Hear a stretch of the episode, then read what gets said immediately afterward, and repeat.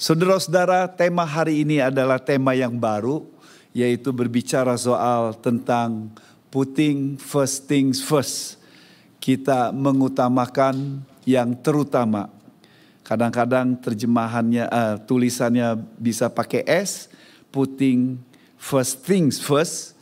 Tapi kalau saudara belajar bisa pakai atau bisa tidak katanya. Tapi kalau ada masalah nanti kita perbaiki tapi terjemahannya adalah utamakan yang terutama. Saudara-saudara, banyak penulis buku yang membahas topik seperti ini. Salah satunya adalah E.M. Gray yang menulis buku yang sangat terkenal. Dia memberikan beberapa hal yang utama, faktor-faktor utama di mana seseorang itu yang berhasil dan yang sukses yang dia perhatikan. Bukan karena kepandaian, bukan karena keterampilan, bukan karena ketekunan, bukan karena sekedar hal-hal di mana relasi atau uh, menjaga lobby-lobby, tapi dia menekankan betapa pentingnya yaitu seseorang tersebut yang mau sukses untuk memperhatikan apa yang terutama yang harus dilakukan dalam kehidupannya. Kalau tidak melakukan itu, maka hidupnya itu akan rutinitas dan melakukan sesuatu yang akhirnya dia akan regret di uh, ketika di kemudian hari. Saudara-saudara, konsep ini konsep yang kemudian dikembangkan dan juga yang sangat-sangat uh, dibuat terkenal oleh Stephen Covey dalam bukunya Seven Habit. Biar saya jelaskan konsep ini saudara-saudara betapa pentingnya ketika mengetahui utamakanlah yang terutama. Stephen Covey memberikan tujuh kebiasaan yang efektif bagi manusia pemimpin-pemimpin yang efektif ketika dalam risetnya dari tujuh itu satu sampai ketiga berbicara soal seseorang dari kete, supaya dia tidak bergantung lalu fokus sama dirinya sendiri. Lalu kebiasaan yang keempat dan keenam itu dari sendiri independen ke interdependence sehingga dia membahas bicara soal tentang pentingnya untuk mendengar, pentingnya untuk pro, uh, pentingnya untuk uh, mendengar lebih dahulu, mendahulukan orang, pentingnya untuk listen dengan baik-baik. Jadi itu fokusnya kepada hubungan relasi 4, 5, 6 supaya ada ketergantungan. Dan yang ketujuh itu adalah berbicara soal pentingnya untuk terus belajar terus menerus terus saudara. Tapi yang jadi fokus bagi Stephen Covey adalah dia menekankan sesudah dia menekankan yang pertama pentingnya seseorang itu kebiasaan proaktif, jangan diam, jangan duduk saja, tapi belajar untuk bertanya apa yang bisa dilakukan ketika itu dalam organisasi, dalam satu gereja, dalam keluarga, apa yang bisa dilakukan. Lalu kemudian yang kedua menurut Stephen Covey adalah fokus kepada hal yang ke depan untuk menjadi fokus dalam kehidupan kita. Apa yang menjadi visi kita itu yang menjadi tekanan hidup kita. Tapi kemudian yang ketiga Stephen Covey memberikan yang sangat penting yaitu prinsip prioritas menurut Stephen Covey. Jadi prinsip prioritas itu artinya utamakanlah yang hal utama. Kita hidup dalam dunia yang sibuk kita akan sibuk terus-menerus sebagai mahasiswa sibuk, ketika saudara menikah juga akan sibuk, ketika saudara punya anak sibuk, sebagai bekerja akan sibuk terus-menerus. Lalu yang kedua, soal sibuk terus-menerus kita juga akan bergumul dengan prioritas. Sama seperti saudara, saya juga bergumul hal yang sama.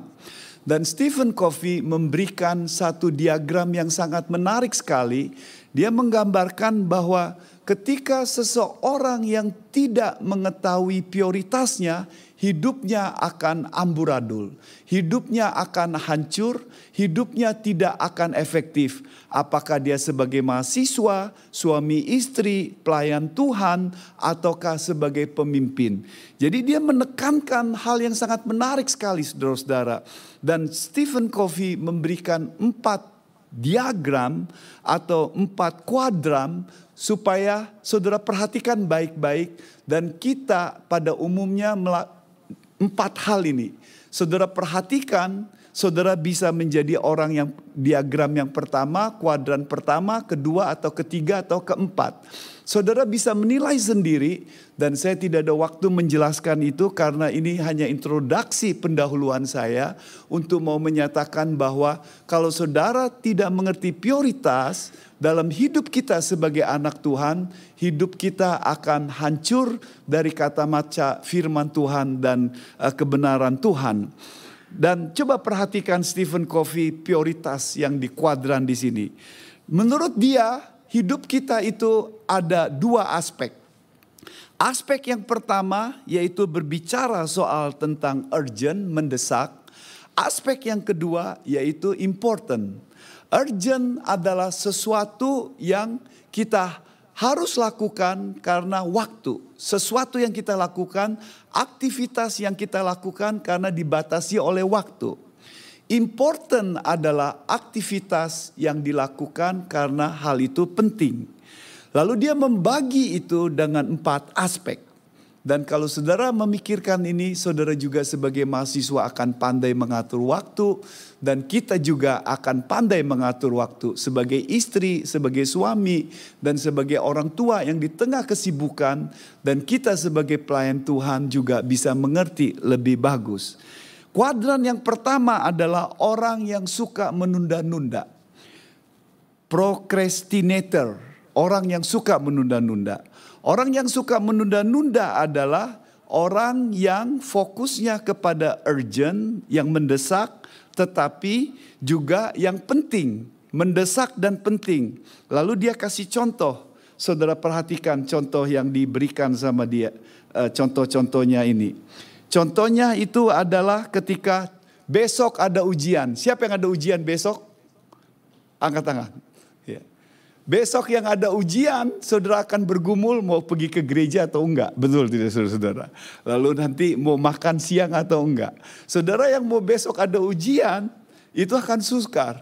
Dan bagi saya sebagai pengkhotbah, kalau besok minggu mau khotbah, akan susah sekali kalau tidak dipersiapkan baik-baik untuk datang misalnya kemarin ke ulang tahun alien ya jadi harus uh, saya juga harus memperhatikan baik-baik dan hal yang sama dengan pengkhotbah yang lain akan sukar untuk ketika melakukan kegiatan hari Sabtu ketika kita mau finalize. Hal yang sama Project Ju itu poin-poin yang mau dikatakan di situ.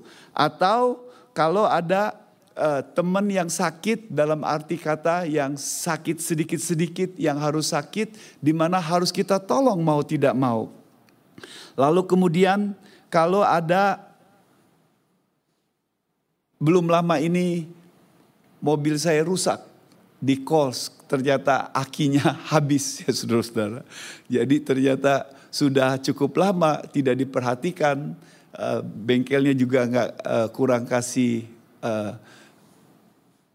satu semacam peringatan sehingga waktu di calls itu sekitar jam 10 saya harus belanja dan mati. Jadi harus menanti cukup lama dan itu harus diselesaikan kalau tidak akan ada masalah eh, bisa kena tiket, bisa orang calls parkingnya juga nggak happy. Tapi yang jelas adalah banyak hal yang harus dilakukan.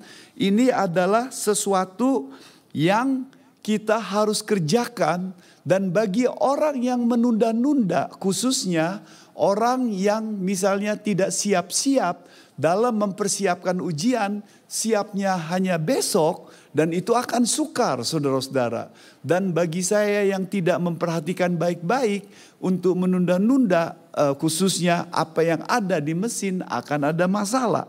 Tapi poinnya ini adalah Orang yang kadang-kadang kalau melakukan seperti ini menurut Kofi adalah orang yang stres. Karena besok harus dilakukan. Semuanya harus dilakukan. Bagi mahasiswa ujian belum terlalu siap, mau nggak mau harus diselesaikan. Jadi belajar sampai malam dan ketika ujian seperti mumi yang berjalan, artinya tidak tidur malam-malaman karena harus menghadapi ujian. Dan itu banyak terjadi saudara-saudara. Hal yang sama ketika saudara bekerja ada proyek, ketika menunda-menunda, menunda-menunda, tidak mengejakan. Tapi ketika pada waktu junya itu kita berantakan. Saudara bayangkan kalau saudara punya istri. Saudara bayangkan kalau punya anak. Bagaimana semua kegiatan itu akan jadi masalah dan semua akan menjadi uh, terbangkalai dan ditunda karena ada hal yang harus saudara lakukan segera. Karena kalau nggak ada masalah dari segi waktu. Yang kedua, eh, saya ingin masuk yang ketiga dulu. Yang ketiga adalah orang yes man. Orang yes man adalah tidak penting tetapi urgent. Pon yang tidak, telepon yang tidak penting atau interupsi-interupsi atau hal-hal yang small problem atau kadang-kadang teman-teman yang menjadi pressure bagi saudara yang tidak penting tetapi urgent yang harus segera untuk dilakukan. Yang keempat adalah orang pemalas. Orang pemalas adalah melakukan kegiatan yang tidak penting dan tidak mendesak. Too much TV, too much Felix, uh, Felix lagi apa? Netflix, ya, too much Netflix. Lalu kemudian uh, too much uh, eh, HP atau too much uh, Facebook, lalu kemudian terlalu banyak harusnya melakukan sesuatu tetapi fokus kepada uh, film seri yang harus ditonton, harus segera. Lalu kemudian komputer games bagi yang suka main komputer.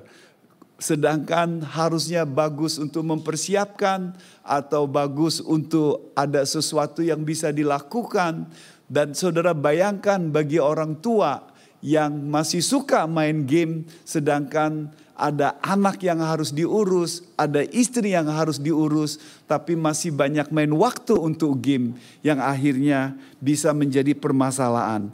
Atau ke mall maraton karena di uh, ada onsel sesudah ini. Apalagi kalau khususnya uh, hari Boxing Day itu tanggal berapa Gio?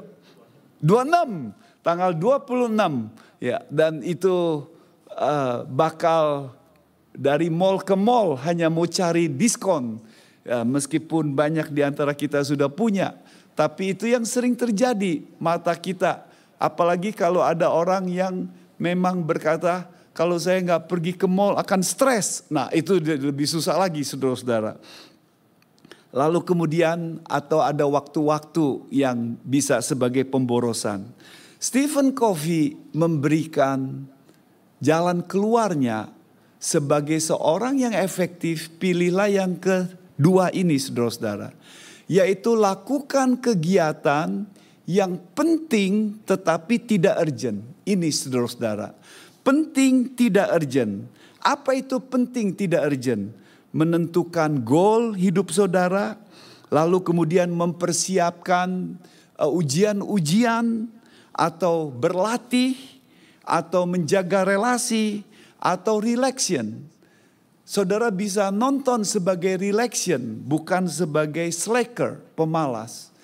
Saudara bisa melakukan itu sebagai mempersiapkan diri dengan bagus ketika melakukan kegiatan-kegiatan seperti not urgent but important.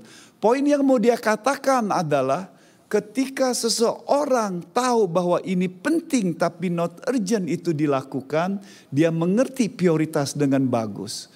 Saudara-saudara, ketika kita mempersiapkan baik-baik, misalnya saudara mau PR, tadi saya baru bicara dengan satu teman kita yang mau PR, dia mempersiapkan dirinya baik-baik. Nilainya mulai sekarang dia pikirkan dan diperhatikan baik-baik. Bagaimana uh, apa cukup atau tidak dan menyerahkan semuanya kepada Tuhan. Tapi pentingnya adalah pentingnya untuk persiapan. Apa yang harus dilakukan? Dan ketika saudara mau menikah, pentingnya masuk persiapan nikah dan betapa belajar untuk baik-baik. Ketika saudara mau diinterview pada satu pekerjaan yang baru, saudara belajar baik-baik tentang bisnis tersebut, lalu kemudian mengetahui dengan bagus. Nah, itu preparation, persiapan.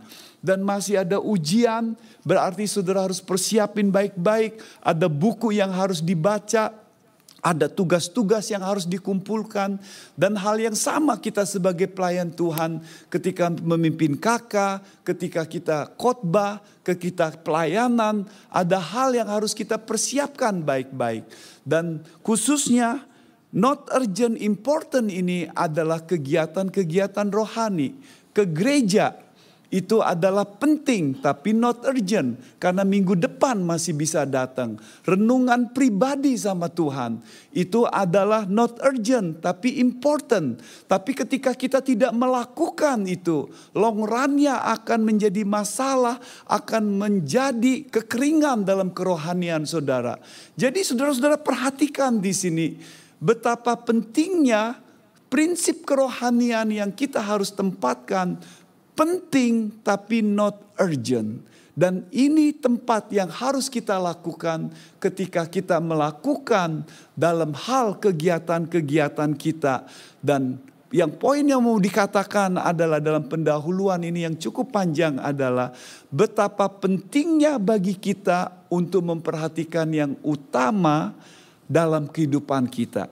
Saudara-saudara, biar saya jelaskan konsep ini relevansi dengan khotbah hari ini. Buku Hagai adalah buku ditulis ketika orang-orang yang ada di pembuangan di Babel yang pada waktu itu sesudah kerajaan Israel dihancurkan lalu dihancurkan dibuang ke Babel tahun 508 587 dimulai pembuangannya itu tiga kali.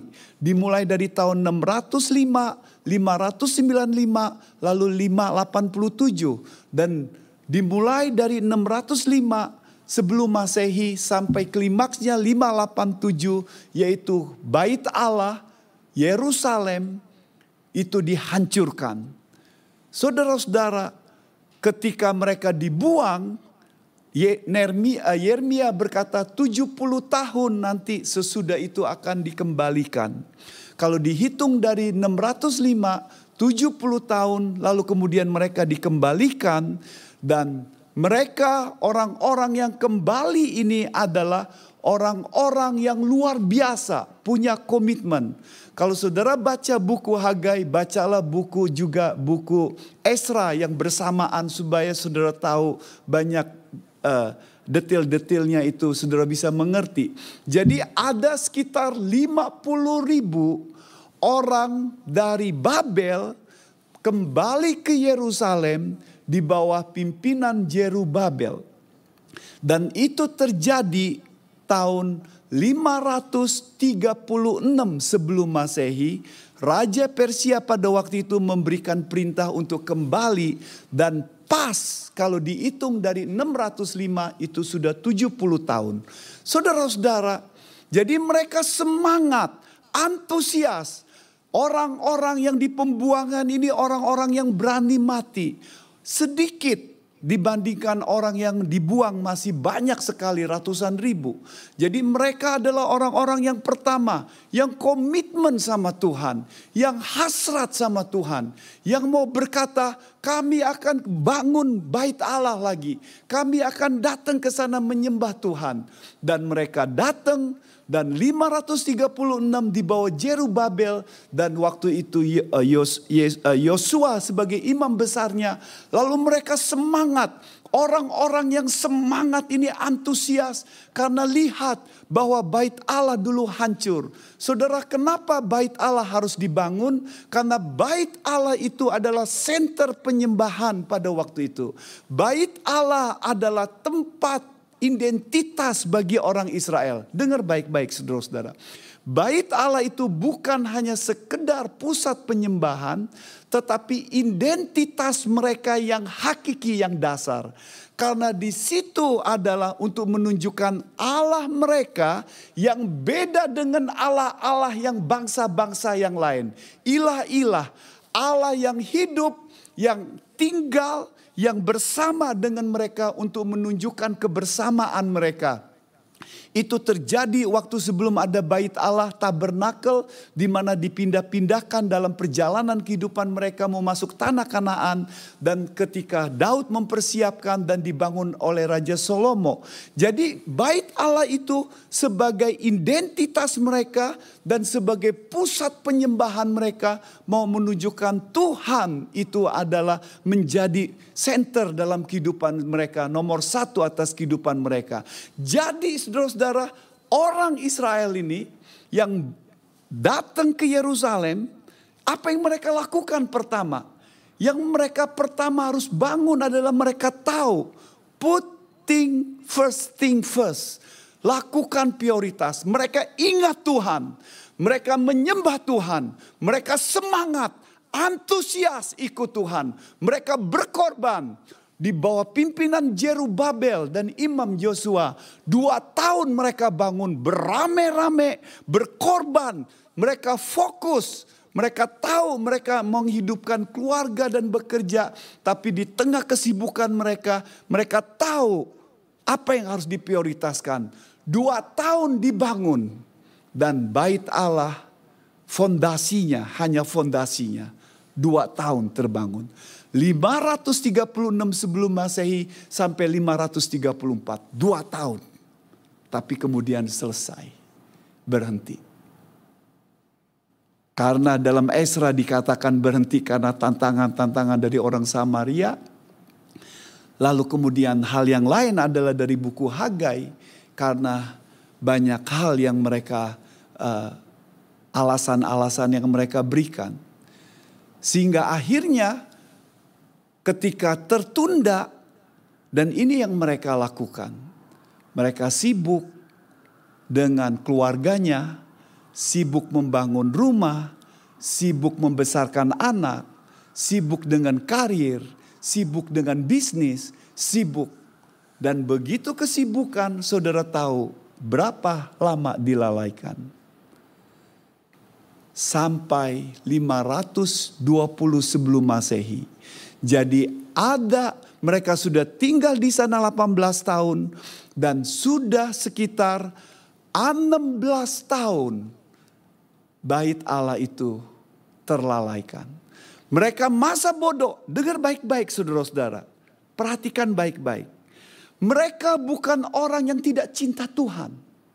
Mereka yang datang ini orang yang cinta Tuhan yang menggebu-gebu, yang semangat, yang antusias, yang berani mati di tengah-tengah orang yang lain. Mereka mau berkata, dan awalnya mereka membangun pekerjaan Tuhan tahu apa yang terpenting. Worship God. Baik Allah yang harus dibangun. Ini identitas kita. Ini worship kita. Ini center kita. Mereka bukan orang yang tidak cinta Tuhan. Mereka orang-orang yang datang. Orang-orang yang rindu membangun. Dan untuk cinta sama Tuhan. Tetapi saudara-saudara. Buku Hagai ini untuk mereka dan untuk saudara dan saya. Sama kita gampang sekali lalai dan lupa. Karena kesibukan, karena salah prioritas. Dulu semangat, antusias. Tapi ketika ada kerjaan, ada keluarga, ada anak. Semangat berkurang. Center berkurang. Dan gampang sekali drift away saudara-saudara. Terbawa. Jadi khotbah hari ini ketika saudara baca Hagai itu bukan untuk hanya sekedar cerita zaman dulu. Ini cerita saya dan cerita saudara yang gampang sekali untuk terbawa arus. di tengah kesibukan, di tengah-tengah kadang-kadang kita salah prioritas dan kita hidupkan dan tanpa terasa mulai lama-lama lama-lama akhirnya kita salah prioritas. Saudara-saudara, coba perhatikan buku Hagai. Buku Hagai hanya dua pasal. Di dalam perjanjian lama, buku yang paling pendek itu buku Obaja. Dan ini satu pasal, buku ini dua pasal. Dan dua pasal ini adalah ketika sesudah 16 tahun, Tuhan itu sayang. Dia selalu sayang pada orang yang dia kasihi. Selalu dia berbicara, selalu dia mencari, Selalu dia memberikan dengungan firman Tuhan supaya tidak terbawa arus dan dia memanggil dan dikasih firman Tuhan Hagai, nabi yang artinya festival yang kemungkinan dia lahir pada waktu perayaan-perayaan orang Israel atau dia kemungkinan juga sudah pernah dilahir pada waktu dia melihat bait Allah yang dihancurkan. Jadi saudara-saudara, ketika membaca Hagai satu ini, saudara sambil membaca ini, sambil kita mengevaluasi diri kita. Ini untuk saudara dan saya yang sering sibuk, yang kadang-kadang salah prioritas, dan kadang-kadang yang penuh dengan memutarbalikan Tuhan itu bukan lagi menjadi center hadas hidup kita. Yesus Kristus Tuhan juru selamat kita yang harusnya menjadi Tuhan, yang menjadi center kita jungkir balikan dan akhirnya disingkirkan. Mari kita siapkan dan lihat perhatikan saudara-saudara. Hagai 1 sampai ayat 1 sampai 15. Kalau saudara membaca ini 15 ayat kelihatannya panjang tapi supaya saudara bisa membaca dan merenungkan di kemudian hari saudara perhatikan buku pasal 1 ini dibagi tiga bagian. Yang pertama problem ayat 1 sampai 6, lalu ayat 7 sampai 11 yaitu solution, jalan keluar yang Tuhan berikan. Lalu kemudian ayat ke 12 sampai ayat ke-15 itu adalah respon dari orang-orang Israel pada waktu itu dan kiranya menjadi respon kita. Saudara perhatikan problemnya ayat 1 sampai dengan ayat ke-6. Firman Tuhan berkata demikian. Pada tahun kedua zaman Raja Darius, tahun kedua Raja Darius itu dari sejarah ditab, ditabiskan tahun 522 sebelum Masehi. Jadi ketika dia ini bilang tahun kedua berarti 520. Dalam bulan yang keenam yang itu diperkirakan kalau sekarang itu bulan September. Pada hari pertama bulan itu datanglah firman Tuhan dengan perantaraan Nabi Hagai kepada Jerubabel bin Siat bin uh, Sitiel Bupati Yehuda dan kepada Yosua bin Yosadak imam besar bunyinya Beginilah firman Tuhan semesta alam. Bangsa ini berkata sekarang belum tiba waktunya untuk membangun kembali rumah Tuhan. Jadi ini problemnya saudara-saudara. Problemnya adalah yang pertama mereka excuse. Ada excuse Kenapa mereka tidak menempatkan Tuhan nomor satu? Karena mereka excuse. Mereka memberi alasan. Alasannya di situ dikatakan ayat kedua. Bangsa ini berkata, sekarang belum tiba waktunya untuk membangun kembali rumah Tuhan. Dalam bahasa Ibraninya itu sangat menarik saudara-saudara. Ini adalah ungkapan yang sangat terkenal pada masyarakat pada waktu itu di pembuangan. Belum waktunya, belum waktunya. Kalau ditanya belum waktunya, belum waktunya. Tafsirannya belum waktunya itu adalah ada dua kemungkinan. Kemungkinan yang pertama mereka menafsirkan Nabi Yeremia bahwa itu 70 tahun dari tahun 587 sebelum Masehi. Karena 587 itu berarti belum 70 tahun. Jadi mereka merasa oh ini tafsirannya kemungkinan benar. Tetapi mereka lupa sejarah mencatat dalam perjanjian lama bahwa mereka dibuang tiga kali. Dan awalnya itu tahun 605. Dan kalau 605 dan ini adalah khususnya ketika pembuangan eh, mereka kembali Raja Persia memberi perintah untuk mereka kembali yaitu pas sudah 70 tahun yaitu tahun 537.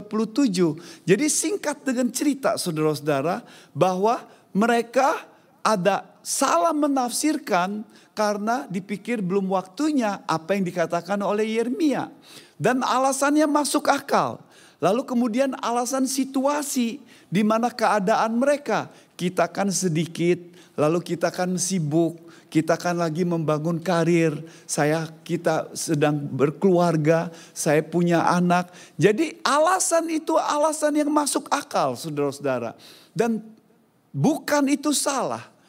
Akan tetapi yang menjadi pertanyaannya adalah ketika terlalu banyak excuse dalam kehidupan mereka dan kelihatannya masuk akal, mereka lupa bahwa ternyata sudah sekitar ada 16 tahun. Kalau mereka tinggal di sana berarti 18 tahun. Tapi kalau 16 tahun sudah lama berarti ini alasan dibuat-buat. Alasan yang dibuat-buat dan mereka udah terbiasa, sudah nyaman, sudah enak dengan situasi yang seperti itu. Jadi dengan keadaan seperti itu saudara-saudara dan itu yang banyak terjadi dalam kehidupan kita. Kita terlalu banyak excuse ketika kita diminta untuk datang kepada Tuhan, untuk ambil bagian pelayanan, untuk menomor satukan Tuhan. Dan kalau tidak hati-hati itu menjadi bagian, jadi gaya kehidupan kita. Yang kedua saudara-saudara, bukan hanya banyak excuse yang kelihatannya masuk akal, tetapi itu sesuatu yang salah. Tapi yang kedua saudara-saudara, bukan hanya excuse, problem mereka adalah indifferent. Mereka sesungguhnya cuek. Mereka sudah masa bodoh. Lihat ayat berikutnya saudara-saudara. Maka datanglah firman Tuhan dengan perantama, perantaraan Nabi Hagai bunyinya. Ayat keempat. Apakah sudah tiba waktunya bagi kamu untuk mendiami rumah-rumahmu yang dipapani dengan baik, sedang rumah ini tetap menjadi reruntuhan? Oleh sebab itu beginilah firman Tuhan semesta alam. Perhatikanlah keadaanmu. Saudara perhatikan baik-baik ayat 4. Apakah sudah waktunya bagi kamu untuk mendiami rumahmu yang baik dipapani dengan baik, sedangkan rumah ini tetap menjadi reruntuhan? Maksud Nabi Hagai simple, saudara-saudara. Coba lihat, kamu tidak berdoa ketika memperbaiki rumahmu. Kamu tidak berdoa secara serius ketika masuk dan rumahnya sudah berjalan dengan bagus. Tapi pada bersamaan rumah Tuhan. Kamu membiarkan begitu saja. Kamu masa bodoh terhadap Tuhan. Untuk menunjukkan mereka masa bodoh. Tidak cinta sama Tuhan. Mereka sudah cuek kepada Tuhan. Mereka sudah tidak punya hati acu tak acu sama Tuhan. Sehingga dia mereka membiarkan tidak ada pengabdian lagi. Tidak ada komitmen lagi. Karena memang hatinya sudah jauh kepada Tuhan. Dan masa bodoh terhadap pekerjaan Tuhan. Saudara-saudara Nabi Hagai tidak dimaksudkan bahwa kita tidak boleh memperhatikan pekerjaan kita, Bukan berarti kita tidak boleh untuk membangun kesuksesan kita, karir kita. Bukan berarti kita tidak boleh untuk jalan-jalan. Bukan ber, tidak berarti kita tidak boleh makan-makan untuk pergi untuk uh, misalnya ke pesta atau pergi ke restoran. Tapi poinnya ini saudara-saudara. Poinnya adalah kalau bisa pergi makan untuk makan untuk mengeluarkan uang, masakan kita tidak bisa memberi persembahan kepada Tuhan. Kalau bisa ada waktu kita sisihkan untuk jalan-jalan, apakah tidak ada waktu untuk melayani Tuhan? Kalau bisa membangun rumah sendiri, masakan tidak memikirkan rumah Tuhan? Itu poinnya saudara-saudara. Hagai sedang berkata, mereka lupa, cuek, hatinya sudah jauh. Itu yang terjadi seperti apa yang dikarang satu lagu yang terkenal dari William Cooper berkata dalam satu syairnya prone to live the God I love. Kita mudah sekali cenderung untuk meninggalkan Allah yang kita cintai. Tuhan kita Yesus Kristus. Kadang-kadang kalau kita tidak hati-hati seperti Demas. Di mana Paulus meratapi menangisi sahabat pelayanannya. Di mana Paulus berkata, Demas telah mengasihi dunia. Mudah sekali meninggalkan, mencintai dunia dan mudah sekali meninggalkan Yesus Kristus Tuhan kita yang adalah Allah Tuhan juru selamat pencipta Allah kita. Sama seperti orang Israel yang sudah dikembalikan selama 18 tahun. 16 tahun mereka melalaikan masa bodoh. Hatinya cenderung dan sama seperti mereka hatinya cenderung untuk meninggalkan Tuhan kita juga kalau tidak hati-hati cenderung untuk menomor duakan, menomor tigakan Tuhan. Dan Tuhan itu tempat sampah-sampah, bukan the center. Bukan lagi prioritas atas hidup kita. Itu problemnya saudara-saudara. Banyak excuse. Yang kedua, hatinya sudah tidak terpikat lagi. Terpikat pada hal yang lain. Kenikmatan yang lain gairah dan antusiasnya kepada yang lain. Yang ketiga, Hagai berkata, karena kamu tidak mengevaluasi diri dengan bagus. Ayat ke lima berkata demikian. Oleh sebab itu beginilah firman Tuhan semesta alam. Perhatikanlah keadaanmu. Consider your ways. Terjemahan literalnya itu adalah beri hatimu pada jalanmu. Itu terjemahan literalnya. Jadi artinya bukan beri hati kita kepada jalan, tapi poinnya adalah coba pikirkan, evaluasi. Karena orang yang tidak mengevaluasi itu sukar untuk bertumbuh, sukar untuk maju. Manusia mudah sekali rutinitas. Dan ketika dievaluasi, dikritik, nggak mau. Coba lihat. Jarang sekali ketika suami mengkritik istri, istri jarang sekali untuk berkata, Oh ya, saya begitu salah. Sorry ya ya yang, saya minta maaf. Saya pengen berubah. Jarang saudara-saudara. Ketika istri ngertik suami, suamiku kamu jangan gitu dong. Oh ya, saya salah itu hanya pada waktu pacaran dan mungkin pada waktu pacaran juga nggak seperti gitu saudara-saudara. Tapi poinnya adalah evaluasi itu susah dan saya sendiri kadang-kadang harus membesarkan hati untuk menerima evaluasi. Tapi penting bagi kita untuk membuka evaluasi. Dan Hagai berkata, coba evaluasi dirimu baik-baik. Coba perhatikan evaluasi dirimu baik-baik ayat 6 berkata demikian. Kamu menabur banyak tetapi membawa pulang hasil sedikit. Kamu makan tetapi tidak sampai kenyang. Kamu minum tetapi tidak sampai puas. Kamu berpakaian tetapi badanmu tidak sampai panas. Dan orang yang bekerja untuk upah, ia bekerja untuk upah yang ditaruh dalam pundi-pundi yang berlobang. Jadi Tuhan sedang berkata, perhatikan hidupmu. Kamu tidak ada kepuasan, kamu tidak ada kenikmatan, kamu ada masalah. Lihat kamu hidup rutinitas yang harusnya barang tidak memuaskan kamu, tapi kamu memuaskan. Dan kamu mencari bukan kepada aku yang memuaskan.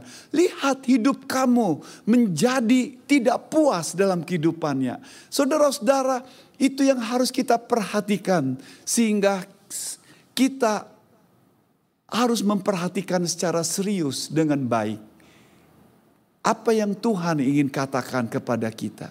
Ketika kita tidak meletakkan prioritas yang harus kita berikan Tuhan, yang harus jadi center hidup kita, Tuhan kita Yesus Kristus. Coba evaluasi dan perhatikan dan bukalah diri kita. Saudara-saudara, Tuhan tidak membiarkan mereka dalam kebingungan, tapi Tuhan kasih solution. Lihat solusinya saudara-saudara, ayat 11 sampai ayat 7 sampai 11. Lihat solusinya ayat 7 sampai 11. Firman Tuhan berkata demikian. Beginilah firman Tuhan semesta alam. Perhatikanlah keadaanmu. Jadi dua kali diulang. Perhatikanlah keadaanmu. Sekarang Tuhan berkata dengar baik-baik. Kamu lihat, lihat hidupmu, perhatikan baik-baik, evaluasi, do something, lakukan sesuatu. Lalu Tuhan berkata demikian. Jadi naiklah ke jadi naiklah ke gunung. Ayat ke-8 berkata, "Jadi naiklah ke gunung, bawalah kayu, bangunlah rumah itu, maka aku akan berkenan kepadanya dan akan menyatakan kemuliaanku di situ." Firman Tuhan. Kamu mengharapkan banyak tetapi hasilnya sedikit. Dan ketika kamu membawa ke rumah, aku menghembuskannya. Oleh karena apa? Demikian firman Tuhan semesta alam. Oleh karena rumahku yang tetap menjadi reruntuhan. Sedang kamu masing-masing sibuk dengan urusan rumahnya sendiri. Itulah sebabnya langit menahan embunnya dan bu dan bumi menahan hasilnya dan aku memanggil kekeringan datang ke negeri, ke atas gunung-gunung, ke atas gandum, ke atas anggur, ke atas minyak, ke atas segala yang dihasilkan tanah, ke atas manusia dan hewan, dan ke atas segala hasil usaha. Saudara perhatikan ayat itu baik-baik dikatakan Tuhan memberi jalan keluar. Jalan keluarnya simple saudara-saudara. Dikatakan di situ Naiklah ke gunung, bawalah kayu, bangunlah rumah Tuhan.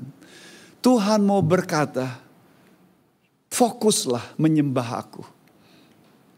Semuanya itu hanya tool, hanya alat. Pekerjaan, keluarga, karir, anak, kesuksesan, itu hanya tool, posisi, kedudukan, keterampilan, itu hanya tool dan fokuslah semuanya bawa kepada aku. Lalu Tuhan memberikan dua motivasi dalam ayat ke-8 ini. Dia katakan, menyatakan aku akan berkenan dan menyatakan kemuliaanku. Tuhan akan berkenan dan kemuliaan makin besar. Jadi ayat ini mau berkata Tuhan memberkenan, Tuhan memberkati, Tuhan sukacita, Tuhan delight, Tuhan joy ketika anak-anak Tuhan melakukan kegiatan dalam melakukan untuk pekerjaan Tuhan, untuk menyembah Tuhan. Dalam proses di tengah kesibukan kita, seperti John Piper berkata, ketika kita melakukan kesibukan kita dan dalam proses kita mencari kemuliaan Tuhan, pursuing, seeking kemuliaan Tuhan, di situ Tuhan dipermuliakan saudara-saudara. Karena Tuhan kita itu maha tahu. Tuhan itu adalah Tuhan yang alam semesta. Al yang maha kuasa, yang mengerti, yang mengetahui isi hati kita. Ketika kita sibuk, ketika kita sedang membangun rumah tangga kita, karir kita, masa depan kita, apakah kita melupakan Tuhan atau tidak? Dan ketika kita dalam suasana seperti itu, hati kita terpikat kepada Tuhan kita Yesus Kristus, terpikat kepada Dia yang menjadi center dalam kehidupan kita. Alkitab berkata, Tuhan berkenan, Tuhan suka, Tuhan menyetujui dan memberkati saudara-saudara. Ayat itu dikatakan. Lalu kemudian motivasi yang lain Tuhan berkata, aku dipermuliakan. Ketika kita Tuhan menjadi center dalam hidup kita, Tuhan dipermuliakan. Kadang-kadang kita berkata, Tuhan dipermuliakan kalau saya ada uang. Kalau saya sudah semuanya berjalan lancar. Kalau saya lagi nyaman. Kalau saya semuanya berhasil. Tidak saudara-saudara. Ayat kita berkata, Tuhan dipermuliakan ketika kita lagi penuh pergumulan. Karena ketika dalam pergumulan itu Yesus yang menjadi center hidup kita. Allah dalam Tuhan kita Yesus Kristus yang disembah pada waktu itu dan yang sekarang kita sembah dalam Yesus Kristus yang menjadi center dalam hidup kita itu membuat Tuhan dipermuliakan. Semakin kita mempermuliakan Tuhan, semakin kita makin mempermuliakan Tuhan, saudara-saudara. Dan semakin kita bersuka cita, semakin Tuhan makin dipermuliakan.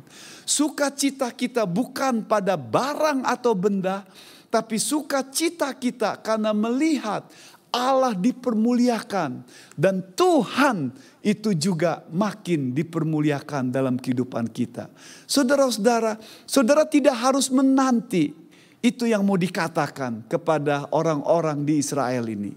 Jangan menanti semuanya sudah settle, semuanya sudah berjalan lancar. Jangan supaya nanti ketika visimu sudah menjadi kenyataan. Kalau semuanya sudah nyaman, aman, baru nanti fokus sama Tuhan. No, selagi saudara mahasiswa, selagi saudara belajar, selagi saudara membangun karir, membangun bisnis, sebelum saudara punya anak, selagi anak saudara masih kecil, selagi saudara penuh dengan kesibukan seperti ini. Hagai berkata, Look jemaatku, lihat fokus kepada Tuhan yang menjadi center dalam kehidupan kita. Itu poinnya saudara-saudara. Dan Tuhan memanggil, God love you. Sama seperti Tuhan mengirim Hagai supaya kita kembali disegarkan dengan semangat dan antusias untuk Yesus menjadi prioritas dalam kehidupan kita. Dan ayat ini diakhiri dengan penuh sukacita. Respon. Ada problem, ada solution, dan ada respon yang bagus. Saudara perhatikan ayat 12, respon yang indah sekali dari mereka.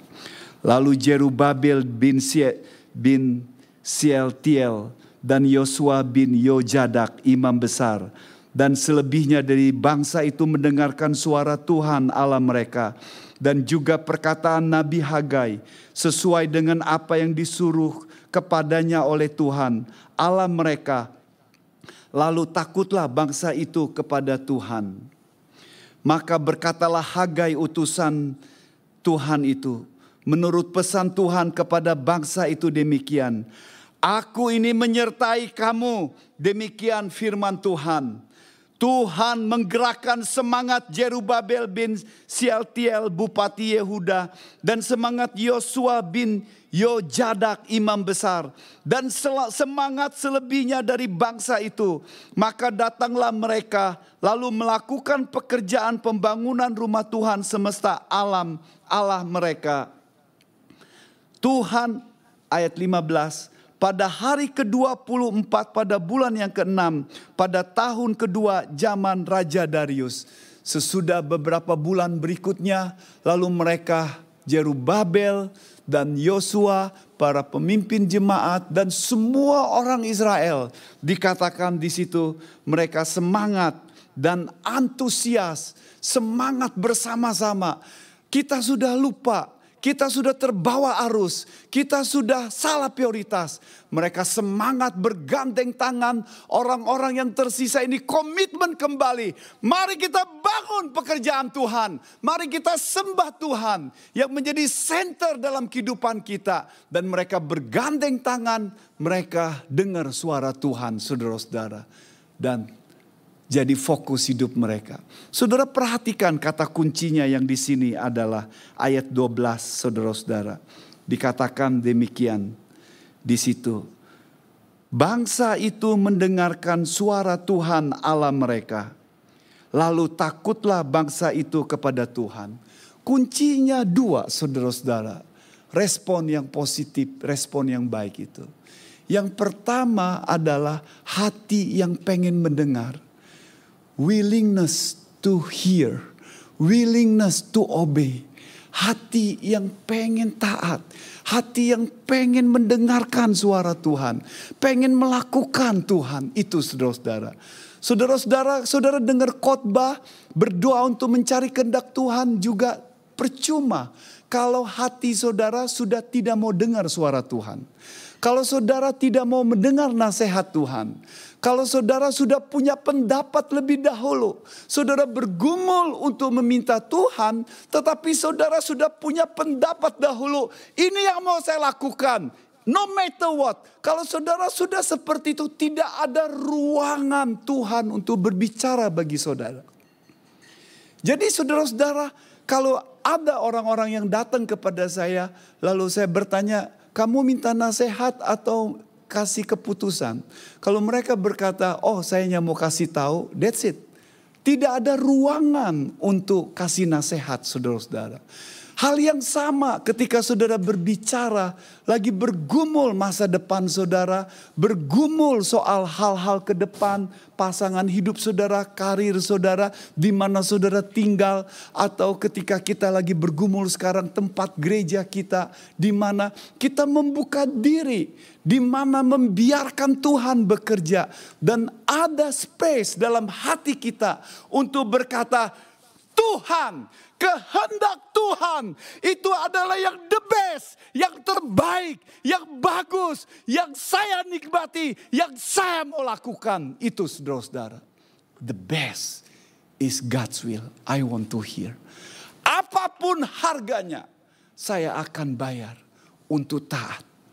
Dan mereka melakukan itu. Lalu kemudian yang kedua Nats itu berkata, bukan saja hati yang terbuka, tapi mereka worship God. Bangsa itu takut kepada Tuhan. They worship God. Ketika hati kita cinta sama Tuhan, takut sama Tuhan, terpikat sama Tuhan, terpaut sama Tuhan, melekat sama Tuhan. Ketika hati kita kepada Tuhan kita Yesus Kristus, kita akan taat. Ini yang dikatakan Yesus. If you love me, you will obey, kata Yesus. Yohanes 14 ayat 15. If you love me, you will obey. Love Jesus, kita akan taat. If you love me, you will serve, kata Yesus pada Petrus. Hal yang sama. Ketika kita love Jesus, Tuhan juru selamat kita yang sudah datang, yang memberikan hidupnya untuk kita Lalu kemudian kita ingat kembali. Dan untuk kemuliaan Tuhan kita Yesus Kristus. Dan kita berkata, Tuhan di tengah pergumulan, di tengah kesibukan, I still remember you. Antusias dan semangat itu dikembalikan. Dan banyak mungkin di antara kita harus datang sama Tuhan dan minta ampun sama Tuhan dan memperbarui. Dan Tuhan adalah Tuhan yang mencari. Sama seperti Tuhan mencari melalui Nabi Hagai. Dan God love you. Mencari, pursuing you. Karena ingin kita mempermuliakan dia. Sama seperti William Cooper berkata, betapa hati kita cenderung untuk mengembara, cenderung untuk meninggalkan Yesus yang saya cintai biar kita datang saat ini dan berkata, Tuhan, ini khotbah bukan tentang Hagai, bukan tentang orang Israel. It is about me. Tentang diri saya. Tentang saudara. Yang terus sibuk dan bergumul dengan prioritas saudara. Mari kita berdoa bersama-sama. Dan membiarkan Tuhan menjamah, memperbarui Biar kita datang dengan hati yang terbuka dan berkata Tuhan, minta ampun karena misplace prioritas. Mengutamakan yang bukan yang terutama. Yesus Tuhan Juru Selamat kita bukan tempat yang center. pusat penyembahan kita. Tapi kadang-kadang kita treat seperti sampah. Prioritas yang berbeda. Dan biar hari ini kita disegarkan dan datang sama Tuhan. Seperti Tuhan berbicara. Put first thing first in your life. Pusat pada Yesus Kristus. Dalam setiap hari. Dalam kehidupan kita dalam kesibukan, dalam studi, berkeluarga, berkarir, pelayanan, masa depan saudara. Cari kemuliaan Dia yang terutama dalam hidup kita. Mari kita bangkit berdiri bersama-sama. Kita nyanyikan lagu ini sambil kita datang sama Tuhan dengan kerenduan hati, perbarui hidup kita